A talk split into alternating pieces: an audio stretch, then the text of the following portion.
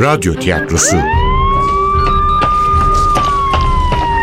Başkomiser Nevzat'ın maceraları başlıyor.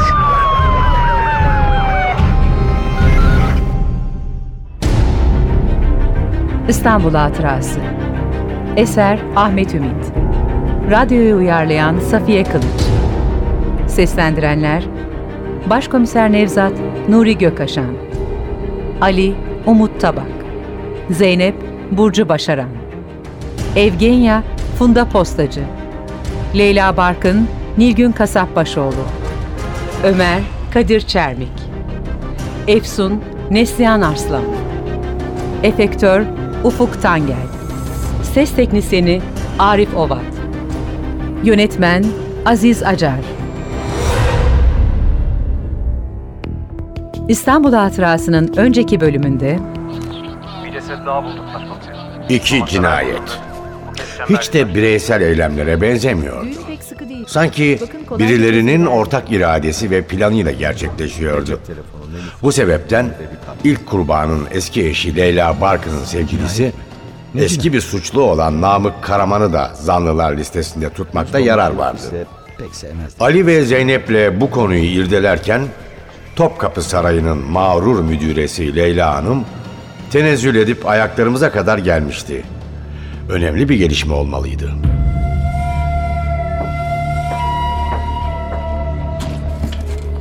Dünden beri uğramadığım odamın ağır havasını dağıtmak için küçük penceremi açarken bakalım Leyla Barkın neler anlatacak diye merak ediyordum.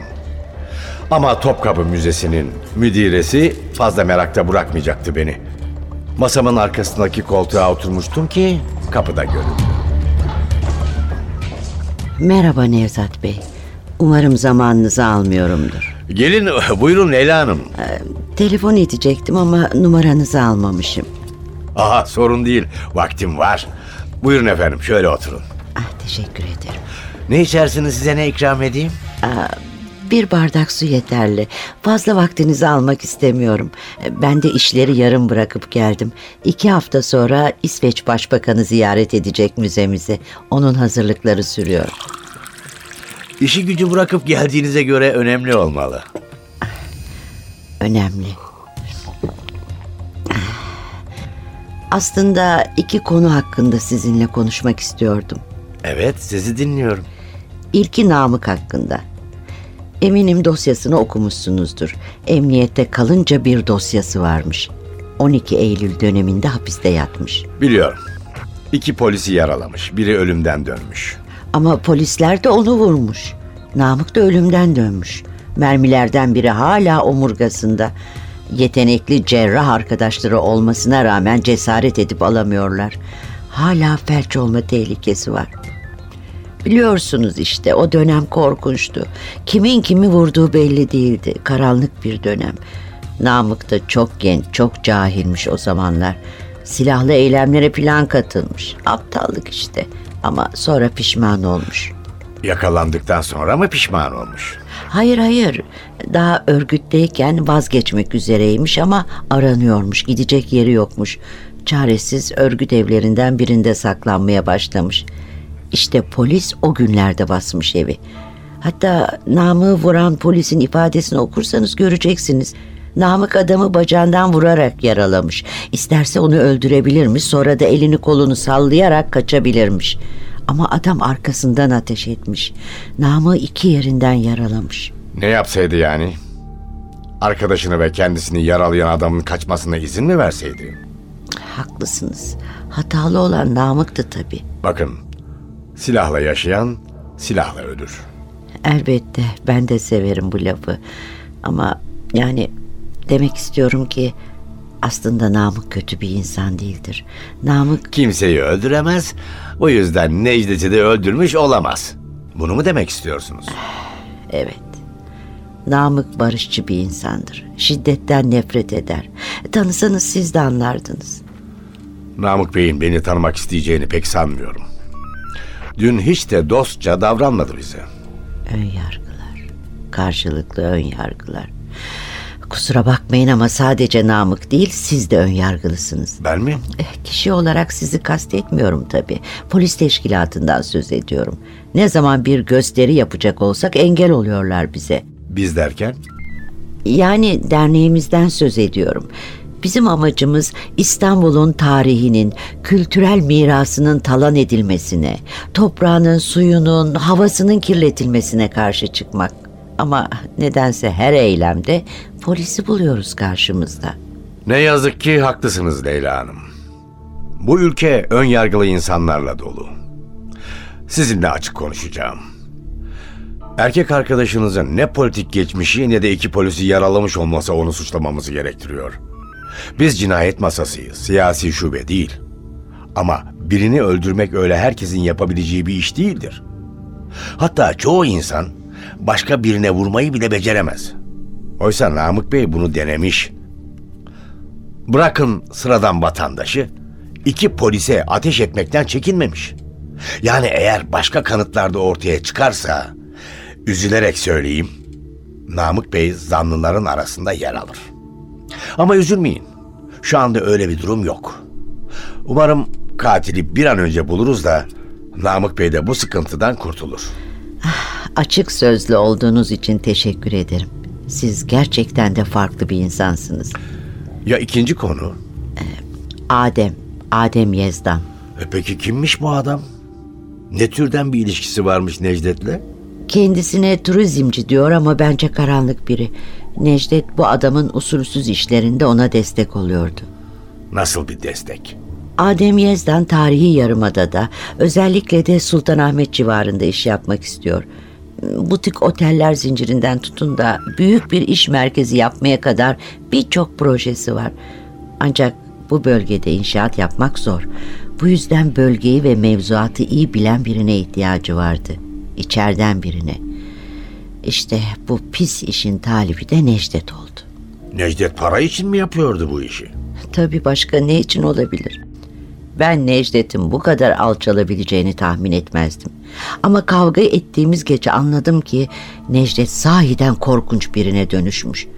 O gece aramızda tartışma çıkmadan önce hala üç kuruş maaşla hayatını o müzeye adamayı sürdürecek misin diye sordu bana. Sesimi çıkarmadım. Aklını başına topla Leyla diye uyardı. İstanbul'un Savunma Derneği filan bunlarla bir şey olmaz. Solcu sevgilim böyle etkinliklere katılabilir ama sen mantıklı bir insansın. Tarih kimsenin umurunda değil gibi laflar etti. Necdet'in lafı nereye getireceğini biliyordum. Yine de peki ne yapacağız diye sordum. İlgilendiğimi zannederek dilinin altındaki baklayı çıkardı. İstifa et şu müzedeki işinden. Adem Bey'in elemana ihtiyacı var. Seni de alalım yanımıza dedi. Acıyarak baktım yüzüne.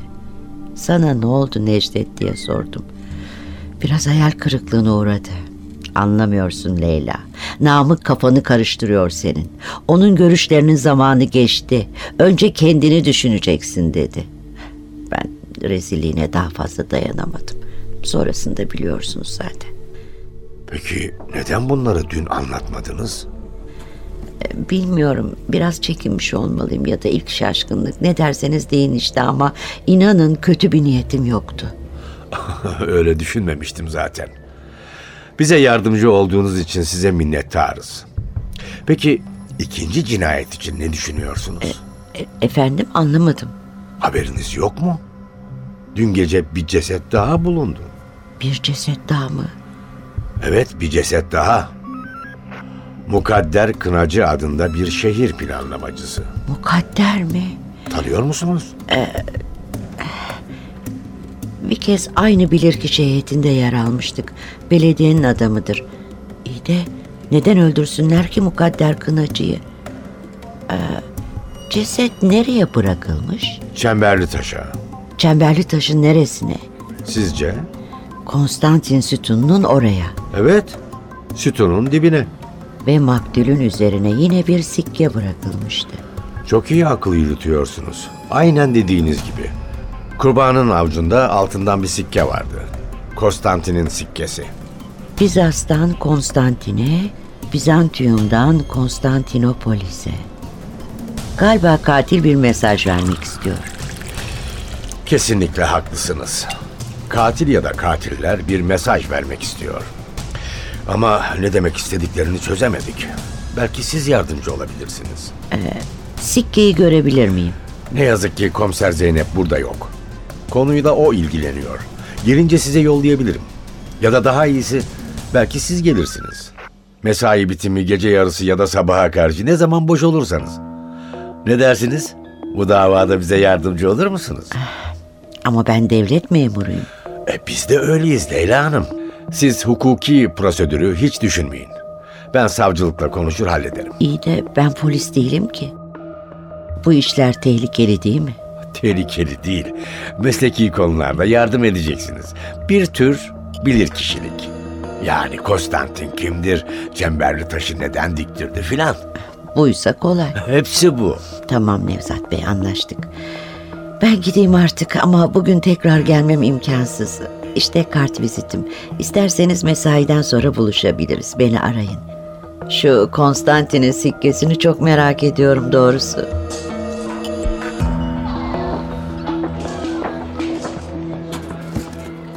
Leyla odadan çıkar çıkmaz su içtiği bardağı kağıt mendille tutarak delil poşetlerinden birinin içine koydum.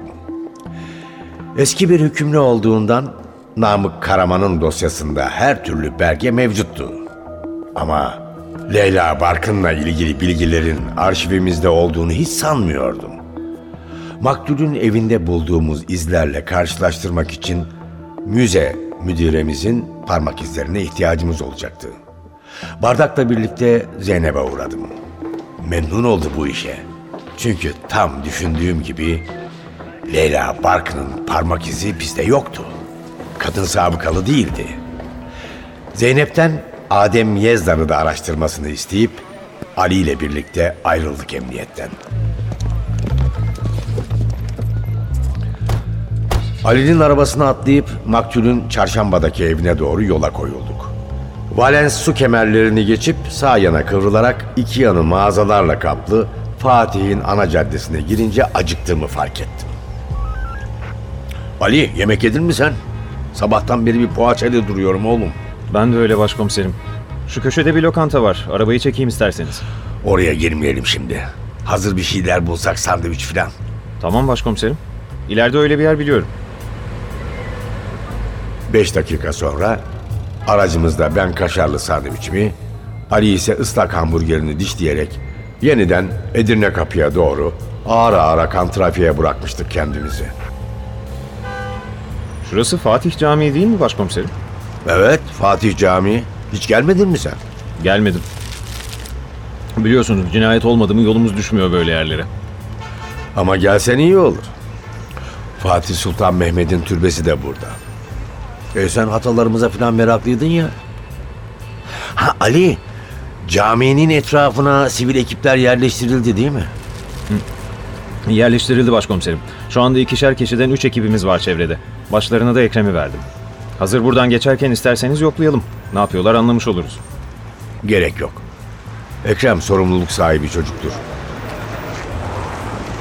Bu ne be? Miting falan mı var? Niye toplanmış bu çarşaflı kadınlar? Sen çarşambaya ilk kez geliyorsun anlaşılan. Miting falan yok Ali'cim. Bu insanlar semtin sakinleri. Duymuştum başkomiserim. Bu insanlar... Ya baksanıza kadını erkeği çok farklı burası. Aslında Bizans devrinde bu semtte çok sayıda manastır ve kilise bulunuyormuş. O dönemde din bu bölgede etkiliymiş. Osmanlı zamanında da gelenek bozulmamış. Sayılara giderek azalsa da Hristiyanlarla Yahudiler de yaşamayı sürdürmüştür bu çevrede. Mesela Ali'cim, Patrikhane hemen aşağıda Fener'dedir. Orada Ortodoks papazlarla da karşılaşabilirsin.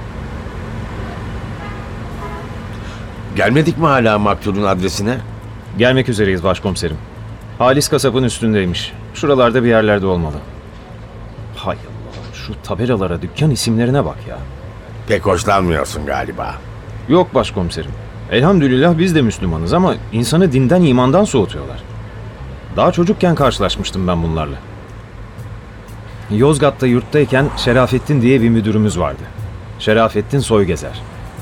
Soy ismi Soygezer ama soysuzun önde gideni. Güya o da bizim gibi kimsesizmiş. Güya çocuk yurtlarında büyümüş. Beni Allah'a sığınmak kurtardı derdi. Ama bence o Allah'a değil şeytana sığınmıştı. Benim bildiğim Allah kendine sığınan birinin bu kadar zalim olmasına izin vermez. Herif burnumuzdan getirirdi. Yurtta televizyon vardı ama bu manyak izletmezdi.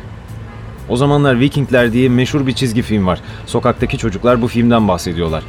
Biz yurttaki çocuklar da bu meşhur çizgi filmi merak etmeye başladık. Abilerimiz müdüre çıktılar. Vikingleri izleyelim diye rica ettiler. Adam umursamamış bile. Hadi herkes koğuşuna diye kovmuş onları. Ben dinlemedim. O kadar merak ediyordum ki Viki adındaki Viking'i. Salonda kimse yokken açtım televizyonu geçtim karşısına. Dalıp gitmişim. Sol yanağımda bir tokat patladı. Gözümün önünde yıldızlar uçuştu. Toparlanmaya fırsat bile bulamadan bir tokat da sağ yanağıma. El kadar çocuğum başkomiserim ya. Yığılıp kalmışım. Gözlerimi açtığımda bodrumdaydım. Sol kulağımdan sıcak bir sıvı sızıyordu. Baktım kan.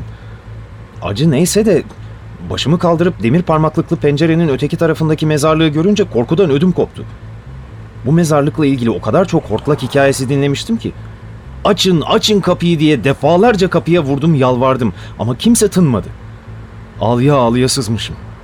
Bütün bunlar yetmezmiş gibi bir de beni karşısına alıp bunlar senin terbiye olman için diye nasihat vermesin mi? Vallahi başkomiserim biraz büyük olsaydım o anda öldürürdüm onu. Ama sesimi çıkarmadım. Ağlayarak dinledim söylediklerini. Annesi babası çok küçükken terk etmişlerdi Ali'yi. Ne isimlerini biliyordu ne de yüzlerini hatırlıyordu. Çocuk yuvasında büyümüştü. Hiç bahsetmezdi o günlerden. Yurt dönemine ait bir anısını ilk kez anlatıyordu. Kim daha anlatmadığı neler vardı. İçim acıdı onu dinlerken. Gözlerim doldu. Ne diyebilirdim ki şimdi ben bu çocuğa? Kim tedavi edebilirdi ki onun ruhunda açılan bu derin yarayı? Konuyu değiştirmek için etrafa bakınarak maktulün evini aramaya koyuldum. Elimle kasap dükkanının üzerindeki cephesi yeşil çinilerle kaplı dört katlı apartmanı gösterdim Ali'ye. Şurası mı maktulün evi? Evet orası olmalı. Kınacı apartmanı. Kasabın önü boş. Yanaşsana şuraya. Galiba bütün apartman maktulünmüş. Necdet'in de mali durumu iyiydi. Ne dersin? Katilimiz hali vakti yerinde insanları mı seçiyor kurban olarak? Mukadder'in ölüm haberini duyan yakınları eve koşturuyor olmalıydı ki kim olduğumuzu sormadan kapıyı açtılar. Binaya girince bir başka kapının daha açıldığını duyduk. Biri merdiven otomatiğini yaktı. Dik merdivenlerin başında genç bir adamın yüzü belirdi. Eğilmiş, kim olduğumuzu anlamaya çalışıyordu. Cinayet soruşturması için geldik. Polis misiniz? Evet, siz kimsiniz? Az bekleseniz Efsun'u çağırayım. Rahmetlinin kızıdır. Dur bakalım. Başkomiserim sana bir soru sordu. Önce onun cevabını ver. Kimsin sen? Ben Ömer. Ömer ne? Soyadın yok mu senin oğlum? Sormadınız ki söyleyeyim. Ömer Erkinli. Peki maktulün nesisin? Kimin nesiyim? Maktulün, maktulün. Yani mukadder kınacının. Damadı sayılırım. Kızıyla nişanlıyım. Efsun Hanım'la mı? Büyük kızı değil mi Mukadder Kınacı'nın? Evet büyük kızı. Bir de oğlu var Mücahit. Neden Efsun Hanım'la görüşmemiz gerektiğini düşünüyorsun? Maktulün karısı yok mu? Melek teyze felçlidir. Konuşacak durumda değil. Mücahit ise küçük. Sorularınızı cevaplandıramaz. Ama isterseniz onu da çağırayım. Teşekkür ederiz Ömer Bey. Gerekirse onunla da görüşürüz. Önce Efsun Hanım'la konuşursak daha iyi olacak. Ama işimiz uzun sürebilir. Burası konuşmak için pek uygun değil. Haklısınız kusura bakmayın. Sizi koridorun sonundaki şu odaya alayım. Siz oraya geçin ben içeriden açacağım kapıyı. Ömer'in gösterdiği kapının önüne geldiğimizde ışıklar birden sönüverdi. Uğultulu bir karanlığın içinde kala kaldık. Kör, ışık geçirmez bir karanlık. Duaya benzeyen mırıltılar, iç çekişler, fısıltılarla örtülü bir uğultu. Duvarda elektrik düğmesi ararken açıldı kapı. Ortalık ağardı ama uğultular daha da yoğunlaştı. Kapının gerisinde Ömer'in yanında uzun boylu, kahverengi türbanlı bir genç kız duruyordu. Sırtında tarçın rengi, süet bir ceket vardı. Dik yakalı, bej bir bluz giymişti. Ayak bileklerine kadar uzanan türbanıyla aynı renkteki eteği kızı daha uzun gösteriyordu. Koyu mavi gözlerini önce Ali'ye, sonra bana dikerek sordu. Benimle görüşmek istiyor musunuz? Nasıl yardım edebilirim?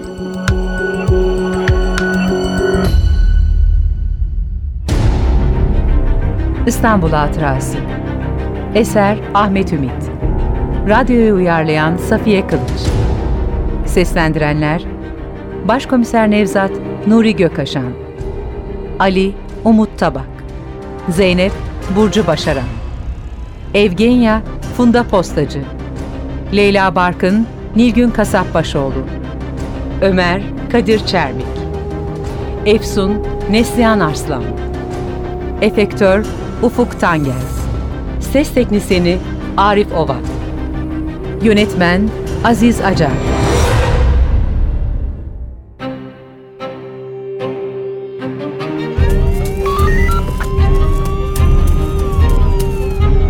Radyo tiyatrosu. Başkomiser Nevzat'ın maceraları